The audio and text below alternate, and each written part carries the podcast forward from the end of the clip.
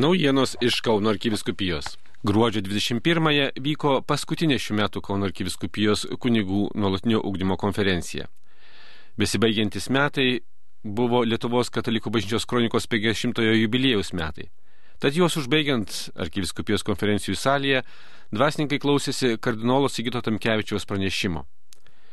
Kronikos iniciatorius ir vyriausias redaktorius pasidalijo autentiškais atsiminimais apie savo bendražygius, ypač brolius kunigus, ir apie tai, kaip pogrindinis leidinys skynėsi kelią ir skleidė tiesos žodį sovietinėje Lietuvoje ir vakaruose.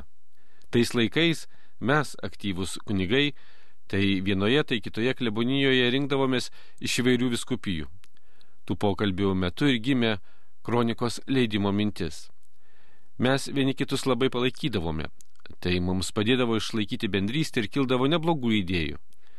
Mums kunigams labai svarbu vieniems kitus palaikyti, tad vienybė nepaprastai reikalinga, sakė kardinolas Sigitas broliams kunigams.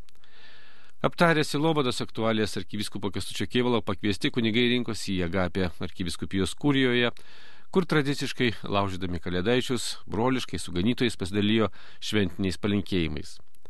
Arkivyskupas nuoširdžiai padėkojo visiems broliams kunigams už metų tarnystę, atkreipdamas dėmesį, jog mūsų laisvės šauklės kronikos pavyzdys liūdija, jog ir nedidelė grupelė gali nuveikti didžių Dievo laiminamų darbų.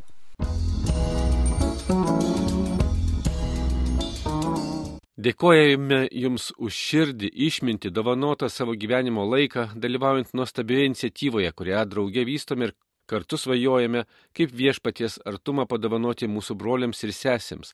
Kalėdos tai Dievo iniciatyva žengti į žmonių tarpą, tad mūsų užduotis - tęsti Kalėdų nuotykį, įkūnyti Dievo svajonę.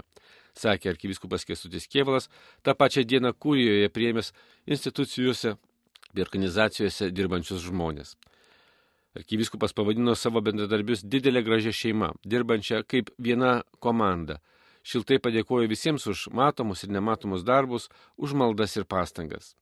Ganytojų padalyti kalėdaičiai netrukus buvo laužomi, dalyjantis tarpusavyje pačiais šilčiausiais palinkėjimais artėjančioms kalėdoms ir naujiems viešpatės metams, dėkojant vieni kitiems už metų bendrystę. Šie palinkėjimai užsitęsė, liūdydami, kiek daug gražaus turime ir galime vieni kitiems pasakyti, šitaip staptelėje tarp lekiančių dienų ir darbų. Po agapės švenčiame Euharistiją arkikatedroje arkivyskupas ragino skirti maldai už sielovados bendradarbius ir už šeimas, kad visi taptų pilni Dievo dvasios. Džiaugsmingai liturgijoje patarnavusios šeimos stiprino įspūdį, kad iš tiesų visi esame ir norime būti šeima prie garbingo altoriaus ir kasdienybėje. Nuostabus pasakojimas iš Evangelijos pagal Luką apie Marijos apsilankymą pas Elsbietą buvo ir arkivyskupo Kestučio pasakytos homilijos centre. Marija apsisprendžia keliauti ir pasidalyti brangia patirtimi su savo giminaitė Elsbieta. Esame pakviesti ir mes skubiai iškeliauti iš savo patogumo ir pagalvoti apie kitą, kalbėjo ganytojas atkreipdamas dėmesį į guodžiančią viltį, kuria mus maitina šventasis raštas, jog visos įtampos, nepasisekimai, net karai turi pabaigą. Arkivyskupo mintimi įtikėjęs žmogus turi stiprų pagrindą savo gyvenimui. Yra kviečiamas dalytis džiaugsmu, viltimi, stiprinti visų laimingumą ir džiaugsmą. Apie tai ir yra krikščioniškas gyvenimas, apie tai yra ir Kalėdų šventė, sakė arkivyskupas Kestutis Kievalas.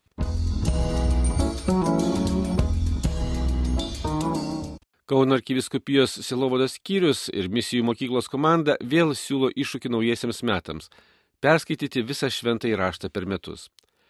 2021-aisiais daugiau kaip 2000, o šiais metais daugiau nei 1000 žmonių Lietuvoje atsiliepė į šį kvietimą.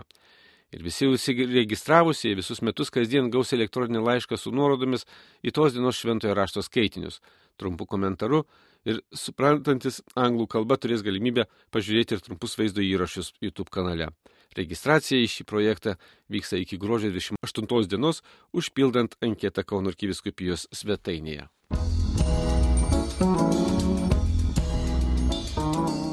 Po kučių vakarienės šeštadienį žmonės laukiami Kauno ir visose kitose arkiviskupijos bažnyčiose, kur vėlyvą vakarą bus švenčiama Kristaus gimimo vigilija, laiminamos prakartėlės. Šios dar vadinamos pieminėlių mišios Kauno arkikatorėje bus švenčiamos 21 val. Kalėdinių pamaldų tvarkarašius Kauno miesto bažnyčiose kviečiame žiūrėti Kauno arkiviskupijos interneto svetainėje. Tuos, kurie kalėdas šves savo darbo vietose ar dėl kitų svarbių priežasčių turės likti namuose, jiems skirsime tiesioginės pamaldų transliacijos. Jos numatytos iš Kauno arkikatrijos bazilikos gruodžio 24 dieną 21 val. Kalėdų dieną gruodžio 25 12 val. O antrąją Kalėdų dieną gruodžio 26 12 val. Matoma transliacija iš Šiluvos bazilikos, visą tai per Delfi televiziją ir Kauno arkiviskupijos YouTube kanalą bei Facebooką. Be to, tradiciškai antrąją Kalėdų dieną minėsime ir Kristaus prisikėlimo bazilikos dedikavimo metinės. Tądien 12 val. tiesioginė transliacija numatoma per Lietuvos televiziją.